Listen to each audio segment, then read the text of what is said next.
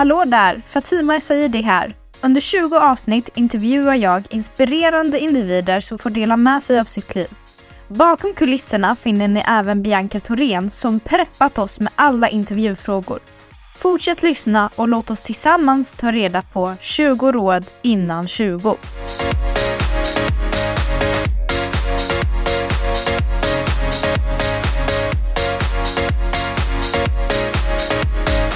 Det här är podden 20 råd innan 20. Mitt namn är Fatima Essaidi och med mig idag har jag Amanda Ring. Hej Amanda! Hej! Hur mår du? Jag mår bra. Jag är jätteglad över att vara här. Lite nervös. Detta är ett nytt format för mig så det är spännande. Det är helt okej att vara nervös. Du, eh, vi kommer fixa detta galant. Eh, jag tänker att vi har väldigt mycket att prata om idag. Eh, men du får jättegärna börja med att bara förklara vem, vem är Amanda? Yes, den frågan är, är alltid svårast att, att få och det, det har väl ihop med, med vad jag jobbar med. Men eh, Amanda Ring som sagt, jag är eh, inbiten helsingborgare brukar jag säga. Jag, jag älskar, älskar Helsingborg, har alltid varit här. Men, men mer vem, vem jag är så jobbar jag som konsultchef och rekryteringsansvarig på Eterni som eh, vi säkert kommer komma in lite mer på sen. Eh, jag, ehm, ja men så, som person alltid varit väldigt engagerad i det jag gör. Eh, lägger mycket själ och hjärta i, i det jag tar mig för.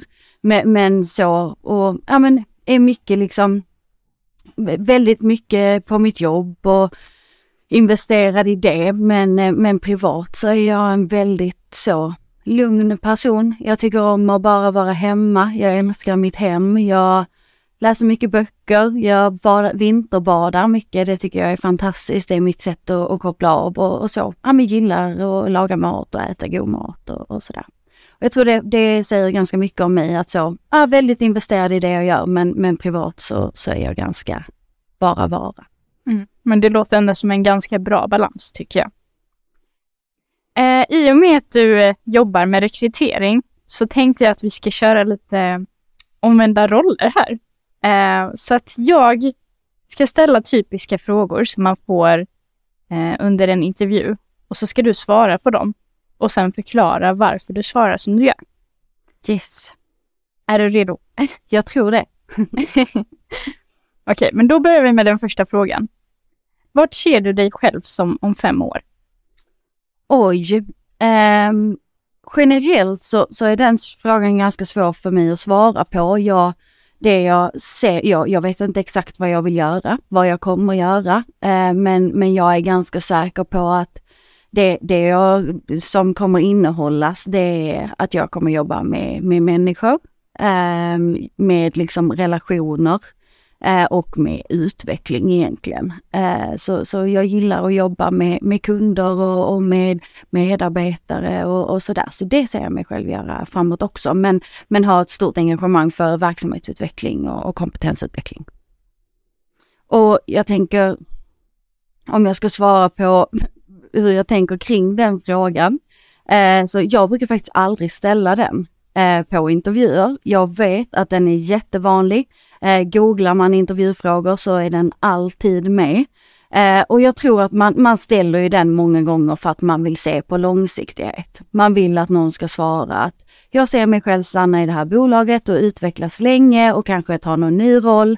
Eh, och, och, det är ju för att man inte vill, vill anställa någon som säger att så, nej men om fem år då har jag eh, pluggat, jag har provat lite olika saker, för, för då tänker man att Ja, men, men, att det är en person som, som inte kommer vara kvar. Eh, jag brukar vända den snarare till så, vad driver och motiverar dig? Varför vill du vara här? Eh, det, den tycker jag är viktigare än vad man är om fem år. Jag vet inte vad jag är om fem år. Det är jättesvårt att svara på. Mm, bra svar tycker jag. Nästa fråga. Kan du nämna några av dina styrkor? Absolut. Um, jag är en, ja men jag, jag är duktig på relationer. Jag, jag är en relationsskapare. Eh, jag tror att jag har en förmåga att få andra människor att känna sig trygga. Eh, jag är en väldigt ärlig och transparent person. Jag, jag döljer inte så mycket, det tror jag man vinner mycket på. Eh, och ehm, väldigt lösningsorienterad Jag är, ja, jag är en väldigt duktig problemlösare och jag gör det mycket i mitt jobb så att jag tycker det är kul. Eh, också så servicemedveten. Jag har jobbat med service och, och med människor i hela mitt liv och, och det är, eh, ja, jag tror att det är nyckeln till mycket. Vill du förklara någonting eller? Varför jag svarar som jag gjorde? Ja, eller varför du lyfter upp vissa styrkor. Mm. Du har ju många styrkor säkert. Ja, men jag, jag tänker som så, det är bra att försöka pinpointa sina, sina största styrkor och, och nu sa ju jag tre saker egentligen i, i huvudsak. Eh, och det, det tänker jag är, är en bra grund. Sen är det alltid bra att lära sig att beskriva saker med exempel. För att vi, vi alla kan säga en lista på saker vi är bra eller dåliga på, men, men de får inte så stor betydelse eh, om man inte kan, kan sätta dem i ett sammanhang. Eh, så så försöker jag tänka. Att så, okej okay, men om jag sätter in mig i en situation, vad, vad kännetecknar mig då? Eh, så, och också titta på, det är bra att fråga andra. Det, det har jag gjort mycket. Vad skulle du säga mina tre största styrkor? Så, eh, så, så, så tror jag att man ska tänka lite. Mm. Om vi vänder lite på frågan, vilka är dina svagheter? Jättemånga. Eh, så jag, jag lär mig eh, nya svagheter med mig själv hela tiden. Eh, jag, eh, så, jag, jag brukar när jag ställer frågan så benämna den som, som vad kan du bli bättre? Vad behöver du utveckla? Eh, jag är en person med väldigt mycket beslutsångest. Eh, jag har jättesvårt för, för att ta beslut, men fra, inte särskilt mycket i mitt jobb faktiskt, för där är jag så illa tvungen. och om det är lite press så går det bättre. Men eh, fråga vem som helst som har varit ute på restaurang med mig. Jag sitter i 20 minuter och kan inte bestämma mig och efter jag till slut har bestämt mig så ångrar jag mig. Eh, men jag har lite strategier för det där och det är att jag brukar eh, fråga någon annan. Eh, till exempel om jag funderar om jag ska ha den röda eller den blåa tröjan. Så, så frågar jag dig Fatima så, ska jag ha den röda eller ska jag ha den blåa tröjan? Och så säger du, ja men ta den blå. Då känner jag om du har sagt rätt eller fel. Då vet jag, äh, ja hon har rätt, jag ska ta den. Eller så, nej jag känner att jag ska ta den andra färgen. Eh, så det skulle jag säga är min största, största svaghet, absolut. Sen, sen har jag mycket mer. Eh, jag kan ha dåligt tålamod ibland med vissa saker. Eh, jag, ehm, så, jag, jag har höga förväntningar på andra men, men också på mig själv. Så det skulle jag väl säga. Mm. Och hur jag tänkte när jag svarar på denna nu, jag, jag tycker att det är bra att försöka komma på ett, eh, ett utvecklingsområde som är, det, det, är ju så, du ska ju inte på en intervju säga någonting som är uppenbart dåligt. Så, jag kommer aldrig i tid. Ah, det är inte skitbra att säga. Eh, men att också inte bara presentera den, utan också berätta hur du jobbar med den. Vad, vad är liksom, vi alla har svagheter. Det är ju, det är vi människor, vi har massor. Och, och de får vi lov att ha. Det, det handlar ju mer bara om, om hur, vi, hur vi jobbar med att de ska, ska bli bättre. Mm. Eh, så. Mm. Bra svar. Jag måste säga att jag är den som stör mig på kompisen som inte kan bestämma sig. så där är vi väldigt olika. Ja, jag förstår att, eh, att många gör det det, ja, fråga min sambo. Vi gick, vi var utomlands nyligen, vi gick från tre restauranger för att jag hittade ingenting jag ville ha där. Så, jag är skitjobbig. Nästa fråga. Vad är du mest stolt över i din karriär hittills? Jag, jag är stolt över många så små saker, men, men om jag skulle säga, försöka liksom sammanfatta det så så är jag mest stolt över att jag alltid har liksom vågat prova saker som får det att liksom, ja, kittla lite extra i magen. Jag, jag har vågat utmana mig själv eh, och jag har vågat göra det jag tror på och, och liksom inte vacklat för vad andra människor tänker eller vad de tycker. Eh, det är jag stolt över. Och att jag har vågat göra annorlunda. Behöver man förklara någonting här? Jag tror inte det. Nej, jag tror inte heller det. Hur hanterar du stress? Jag um, försökt tänka mycket på det. Jag, jag har ju ett jobb som är, är, väldigt mycket så upp och ner. Det är väldigt högt tempo ibland och det, det är lägre tempo andra perioder. Uh, jag försöker att, jag är inte rädd för att be om hjälp först och främst. Jag säger, jag, jag tror mycket på det här att vara mänsklig sin, att gå runt på sin arbetsplats och låtsas att allting är bra hela tiden, det, det håller inte för någon. Eh, så jag säger ofta högt ut till mina kollegor, nu är det alldeles för mycket för mig här. Eh, hjälp mig. Så. Eh, men annars så, så försöker jag verkligen att så här andas, göra någonting annat en liten stund eh, och sen så, så skriver jag en lista. Vad ska jag göra först? Allting brinner inte samtidigt. Någonting kan vänta. Och har jag svårt att bedöma det som sagt så, så ber någon annan hjälpa mig att göra det. Eh, och sen betar jag av efterhand. Mm. Skulle jag säga. Men, men jag, jag, jag trivs i ett högt, högt tempo men, men jag blir absolut påverkad av stress. Det, det blir jag. Så man behöver inte hålla undan det när eh, man blir intervjuad?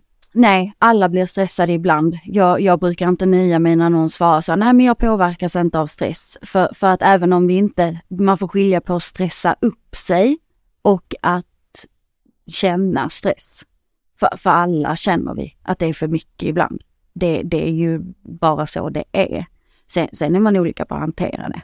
Eh, så, så det är väl snarare det. Man får fundera på hur man ska uttrycka hur man, hur man hanterar sin stress, vad man gör åt den. Hur kommer det sig att du sökte rollen som du har idag? Ja, eh, egentligen så sökte jag den här rollen som, som en plan B.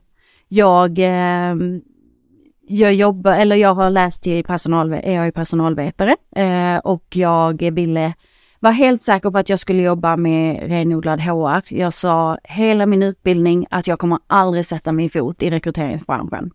Eh, och jag har alltid sett mig som en person med ganska mycket självinsikt men uppenbarligen inte med detta. Eh, så när det blev dags att börja söka så sökte jag en tjänst som var liksom allt jag hade drömt om på en HR-avdelning. Men, men tänkte så att jag kommer aldrig få den så att jag, jag måste ha en plan B. Eh, och då såg jag Eterni, där, där jag jobbar idag, att de eh, sökte. Så tänkte jag, ja, jag, jag får skicka in en ansökan liksom. Jag, jag måste bara ha någonting. Eh, och sen så hade jag intervjun med det andra företaget och, och det kändes bra. Eh, så. Eh, och sen så träffade jag min, min nuvarande chef på Eterni och, och det var, det sa klick. Eh, när, jag, när vi avslutade den intervjun så, så gick jag som på moln. Eh, jag var så taggad, så engagerad och kände den här resan vill jag vara med på. Eh, och eh, dagen efter så ringer det andra företaget och erbjuder mig tjänsten och då hör jag mig själv säga till den här eh, HR-chefen att får jag fundera? Eh, och sen tackade jag nej till det och så hoppade jag på jobbet på Eterni som jag också fick. Så, så egentligen, det var ett val men det var aldrig min dröm. Men, men jag tycker att det är fantastiskt roligt. Jag, jag älskar mitt jobb eh, idag. Mm. Livet tar sina vändningar. Definitivt och återigen, våga hoppa på sånt som får dig att kittla i magen. Men jag antar att du inte sa att det var en plan B på intervju? Nej, det gjorde jag inte på intervjun. Nej. Det berättade jag inte. Men, men jag, eh, jag har sagt det i efterhand. Absolut. Eh, så. Men, men det är fantastiskt när det blir så ibland. Och hur kommer det sig att du valde att tacka ja till att vara med i podden?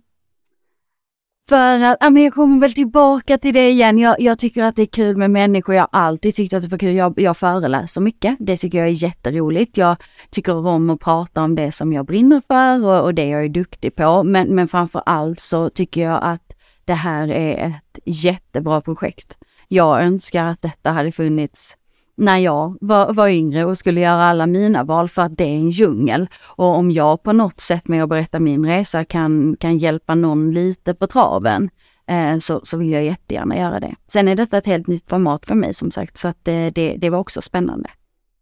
Kul att ha dig här. Tack, kul att vara här. Nu tänker jag att vi kan byta samtalsämne lite grann. Så ett slut på rollspel här. Vem är Amanda som ung? Eller hur var Amanda som ung? Oj. Um, Amanda som ung var tidigt väldigt um, driven, så skulle jag säga. Jag um, började skolan ett år tidigare. Jag tyckte det var jättekul att lära mig saker så jag började, lärde mig att läsa och räkna matte och prata engelska tidigt. Um, alltid liksom varit frågvis, väldigt nyfiken, vågade ställa frågorna som ingen annan gjorde. Um, så känt ett stort engagemang tidigt. Jag, jag började jobba tidigt. Jag hade min första, mitt första chefsjobb när jag var 14. Det tyckte mina klasskompisar var lite konstigt. Eh, men, men det har gett mig otroligt mycket. Men, men Amanda som ung var också på många sätt en vilsen själ för att det är inte helt enkelt eh, att sticka ut och vara annorlunda och göra det man tror på. Um, barn kan vara väldigt elaka. Så, det, det är ingen hemlighet och, och det, det um, gjorde väl att ja, men så, skolåren var ganska tuffa. Eh, I alla fall fram till, till gymnasiet. Men, men samtidigt, jag, jag stod pall. Jag fortsatte med det jag trodde på och, och det har, har lönat sig idag och byggt upp en, en styrka som, som hjälper mig jättemycket. Eh, så väldigt så framåt, social, utåt, tog för sig, älskat att stå på scen, alltid hållit på mycket med musik, showat så fort jag fått chansen. Eh, men, men, samtidigt så ganska så ensam och, och osäker på andra sätt. Och hur, hur blev det sen på gymnasiet? Vad, vad läste du för linje och vem hängde du med? Eh, ja, men jag eh, det, det, var också en sån brytpunkt i mitt liv. Jag sökte in till ett eh, dans och musikalgymnasium eh, först. Men, men sen kände jag så, nej, det, jag, jag, liksom, jag, jag behöver det intellektuella eh, mycket mer. Så att jag, jag började eh, läsa samhälle med inriktning eh, internationell, eller internationell inriktning. Eh, och det tyckte jag var kul. Det var mycket samhällsvetenskap, mycket så omvärld. Eh, och, och, då i gymnasiet så jag fortsatte ju vara var jag. Jag har aldrig varit den som har varit med i det coolaste gänget. Eh, men, men jag har, har jättefina vänner, eh, vänner därifrån och också från grundskolan. Det, det är jätteviktigt att säga, jag var inte helt ensam, men, men jag hade det ganska tufft. Uh, så, så att, um, så nej, då, då var jag, jag fortsatte nog vara ganska mycket jag. Det var nog fortfarande många som störde sig lite grann på mig. Uh, men jag har fått väldigt mycket möjligheter utav det, så, så att det har varit värt det. Mm. Jag har förstått det som att du uh, har ett ganska stort intresse för kvinnors rättigheter. När dök det här intresset upp? Var det redan under grundskolan eller? Alltså, jag tror alltid att jag har varit liksom hela min familj har sagt till mig att jag kommer att bli politiker och jag har alltid eh, tagit debatter och diskussioner. Jag har suttit med dem liksom med sina vänner och sagt att så kan man inte säga eller så får man inte göra. Eh, och, och jag kände väl ganska snabbt så att det liksom inte var helt okej okay, kanske hur killar var mot tjejer alltid och det började väl i grundskolan. Eh, men sen så var det väl när jag började gymnasiet och fick ganska mycket så det, det var ganska stort fokus på an, men omvärlden. Eh, och då, då växte nog eh, det engagemanget eh, framför allt. Eh, och du var engagerad på många olika sätt under gymnasiet. Bland annat genom eh, FN-föreningen. Vill du berätta lite om det? Mm. Ja men vi, det kom egentligen eh, till mig lite. Vi, vi hade ett, eh, en del i liksom vår utbildning som handlade om att vi, ja, vi hade FN-rollspel bland annat. Och det tyckte jag var kul. Jag har alltid tyckt det var kul att debattera som sagt. Eh, och, och då liksom i samband med det tror jag så, så det var samordnat med FN-föreningen i Helsingborg. Eh, och då hittade jag dem och, och då gick jag, gick jag med där. Eh, så. Mm. Mm. Och vad, vad fick du göra där? Ja, alltså vi såg mycket liksom i stan och pratade, det var ju då när de, de nya globala målen eh, kom på tal. Eh, jag var på en hel del utbildningar i dem, det var jätteintressant. Men, men annars så klassiskt ideellt föreningsarbete, försöka sprida budskapet. Mm. Du blev ju faktiskt tilldelad ett pris också. Very best delegate. Um, hur kommer det sig? Eh, ja men det var kul, vi var många, det, det var fantastiskt. Men, men som sagt, alltså jag, jag har varit ganska orädd så att jag, jag tog debatterna där. Jag vet att jag representerade Tyskland då i generalförsamlingen i FN. Eh, och, och, jag körde på ganska hårt, gick in i debatterna med de här killarna som tyckte att de kunde så mycket om politik och, och grejer. Eh, och, och det stack väl ut på något sätt och också att så, det var väl välgrundade argument tror jag. Mm. Har du något tips till ungdomar eh, kring att engagera sig i olika föreningar? Mm. Tycker eh. du att man ska göra det? Och hur hittar man rätt förening? Ja, alltså om man har ett engagemang för någonting så tycker jag absolut att man ska göra det och det, det är ett bra sätt att nätverka och träffa nya människor. Det är också ett bra sätt att um, ja, men så, lära sig nya saker. Så att det, det tycker jag är jätteglad att jag har gjort det. Jag har provat på lite olika. Eh, men eh, ja, ja, som sagt nu, nu halkar jag in på ett bananskal. Jag hade någon annan i skolan som var med i plan, då, då gick jag med där också. Men, men nu för tiden så är de ju jättebra på att marknadsföra sig. Eh, så det, det, tycker jag definitivt att man ska göra. Och ur ett jobbsökarperspektiv så är det alltid jättebra att ha varit engagerad i olika saker som inte nödvändigtvis genererar pengar. 2016 så var du även aktiv inom Girls Globe som skribent. Vad, vad är Girls Globe för någonting? Jag har aldrig hört talas om det. Eh, ja, men Girls Globe är numera kan man väl säga ett internationellt community. Men, men då var det ett online-magasin eh, som, som jobbade för eh, tjejer och kvinnors eh, rättigheter och hälsa eh, runt om i världen.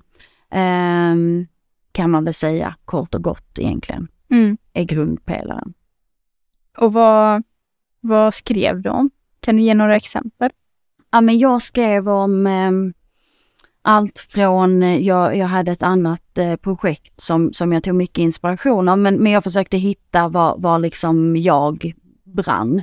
Eh, så jag skrev en del om könsnormer. Eh, jag skrev lite om sexuell hälsa. Eh, jag, jag skrev en del om liksom fundamentala jämställdhetsgrejer, eh, skulle jag vilja säga.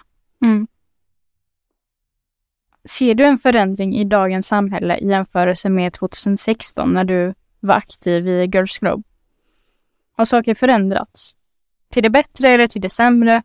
Jag tror absolut att, att saker eh, har förändrats. Någonting som framför allt har förändrats det, det är ju att vi pratar om det här eh, mycket eh, idag. Jag tror sociala medier har en, har en jättefördel i att kunna sprida den här typen av budskap, uppmana till liksom engagemang och diskussioner. Eh, sen, sen tror jag att vi på många, många sätt eh, står kvar där vi har gjort. Det, det har ju också ja, men, gått tillbaka mycket i olika delar av världen. Det är bara att titta på, på USA och deras abortlagstiftning eh, som, som har införts nu. Det, det är ju definitivt tillbaka eh, i, i kvinnors liksom, självständighet. Kan du ge exempel på något, eller har du blivit påverkad av könsnormer? Ja, hela tiden tror jag att man blir det. Um, det är, eller ja, jag har nog varit ganska lätt påverkad i alla fall förr till ja, så, hur man ska se ut, hur man ska vara, uh, att man som tjej hela tiden, man, och jag har ju inte liksom följt dem riktigt. Jag, jag har ju så, jag har stått upp för mig själv och jag har pratat och jag har tagit plats. Eh, och, och, det ska man väl kanske inte riktigt göra alltid eh, som, som tjej. Eh, men, men det har jag lite struntat fullständigt i. Men, men sen klart jag som person, det, det är självklart att jag blir påverkad. Mm. Och, och, jag tror att så, Girls Globe var, jag var med dem i och jobbade i FN. Eh, och, eh, och det var nyttigt för mig att se, jag hade en dröm om att bli diplomat, jag skulle jobba i FN. Men jag, när jag kom dit så insåg jag att det här är otroligt hierarkiskt. Det här är liksom, det, här ska, ska du klättra, här ska du tyvärr stångas mot många medelålders män liksom. Um, och, och också att jag, jag sen skiftade vad jag ville göra lite. Men, men det var, um, det, det hjälpte mig nog att ha ett annat förhållningssätt till allting sen när jag kom hem. Ibland så får man höra att Sverige är ganska jämställt, eller väldigt jämställt. Kan du ändå ge några exempel på när det inte är jämställt här i Sverige? Ja, alltså det, det, tror jag att det är på många, många sätt. Det är ju bara att titta på inkomst. Eh, så, kvinnor i i princip alla branscher tjänar mindre än vad män gör. Jag tror att vi jobbar väl gratis efter klockan 16.07 varje dag eller någonting. Eh, vilket också då speglar sig i sådana saker som passion, självständighet, att kunna leva ensam. Eh, kvinnor har ofta lägre så betalda jobb eh, och sådana saker. Eh, även om man tittar på, på hur många gånger det är föräldrar, fördelat med, med hemarbete och eh, vad man gör i hushållet, tror jag definitivt. Mm. Och vems fel är detta? Jag tror att det är allas fel. Så. Varför? Ja, men jag, jag tror att vi, alla bidrar ju till, någonstans har ju de här eh, normerna och, och liksom rutinerna skapats. Um, och, och, det kan jag inte riktigt svara på hur och var. Uh, jag, jag, kan tänka på det ibland, alltså, hur, vem bestämde att män skulle rösta men inte kvinnor? Liksom? Jag, jag vet inte, jag undrar det. Hur blev det så? Men, men idag så tror jag att vi alla, liksom, genom att vi, vi fortsätter i samma hjulspår, eh, genom att göra, liksom inte göra annorlunda, Eh, och jag tror att vi alla är en bidragande faktor till det, att så, så så länge vi fortsätter upprätthålla hur vi alltid har gjort så kommer det fortsätta vara så. Eh, så, så, att jag tror att var och en är bidragande till, till det. På samma sätt som att var och en kan vara bidragande till förändringen. Mm.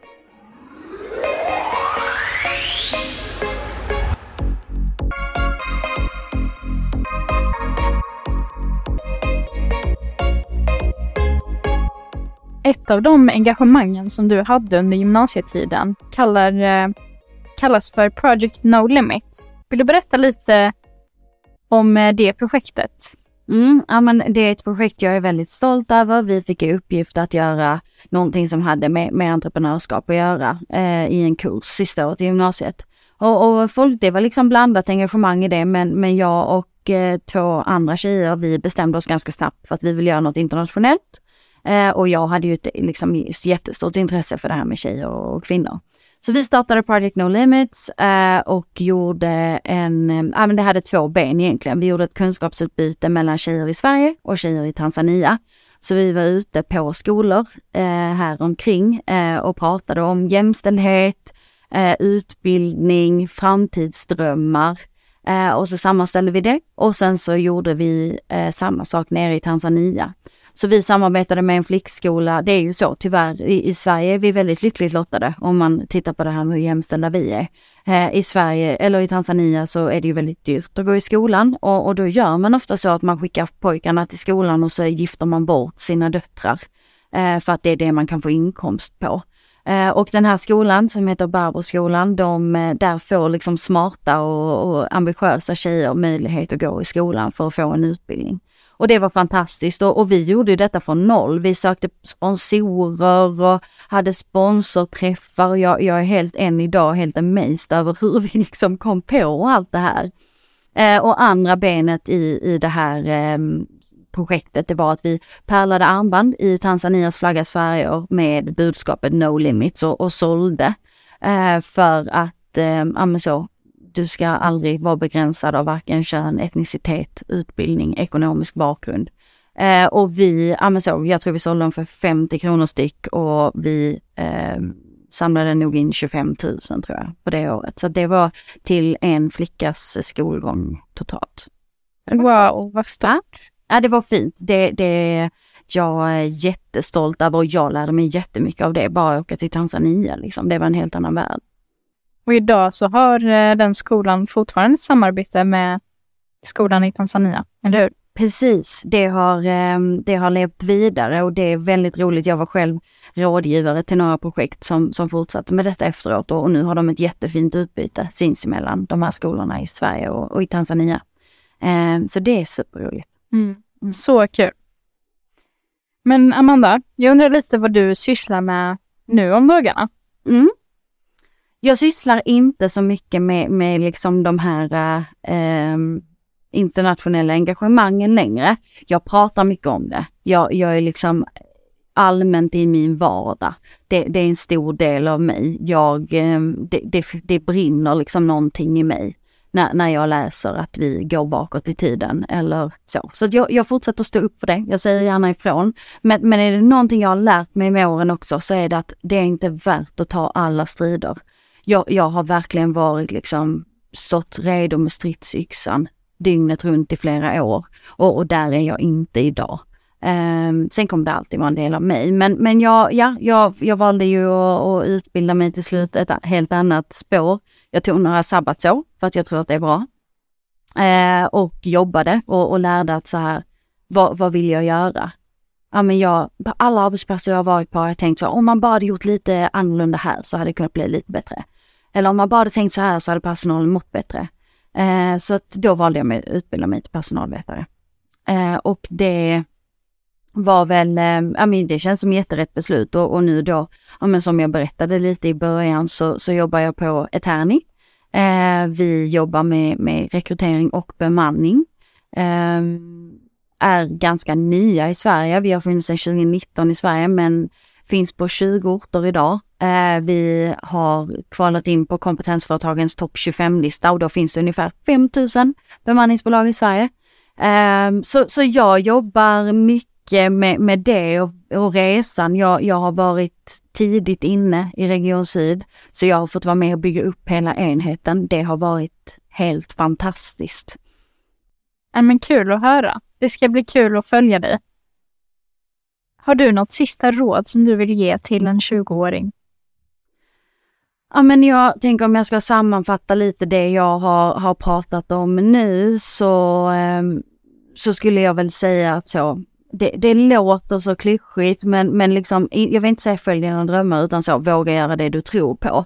Eh, våga säga ifrån om du tycker någonting är fel eh, och, och våga gå på att göra det som känns kul, som får hjärtat att klappa lite extra. Inte det som är rätt.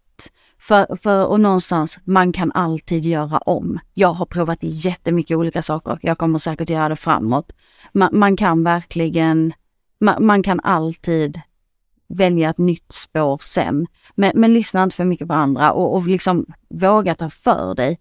Det finns så mycket duktiga människor, engagerade människor och, och, bara man vågar tro tillräckligt mycket på, på sig själv och sin förmåga så, så tar det en ganska långt, skulle jag säga.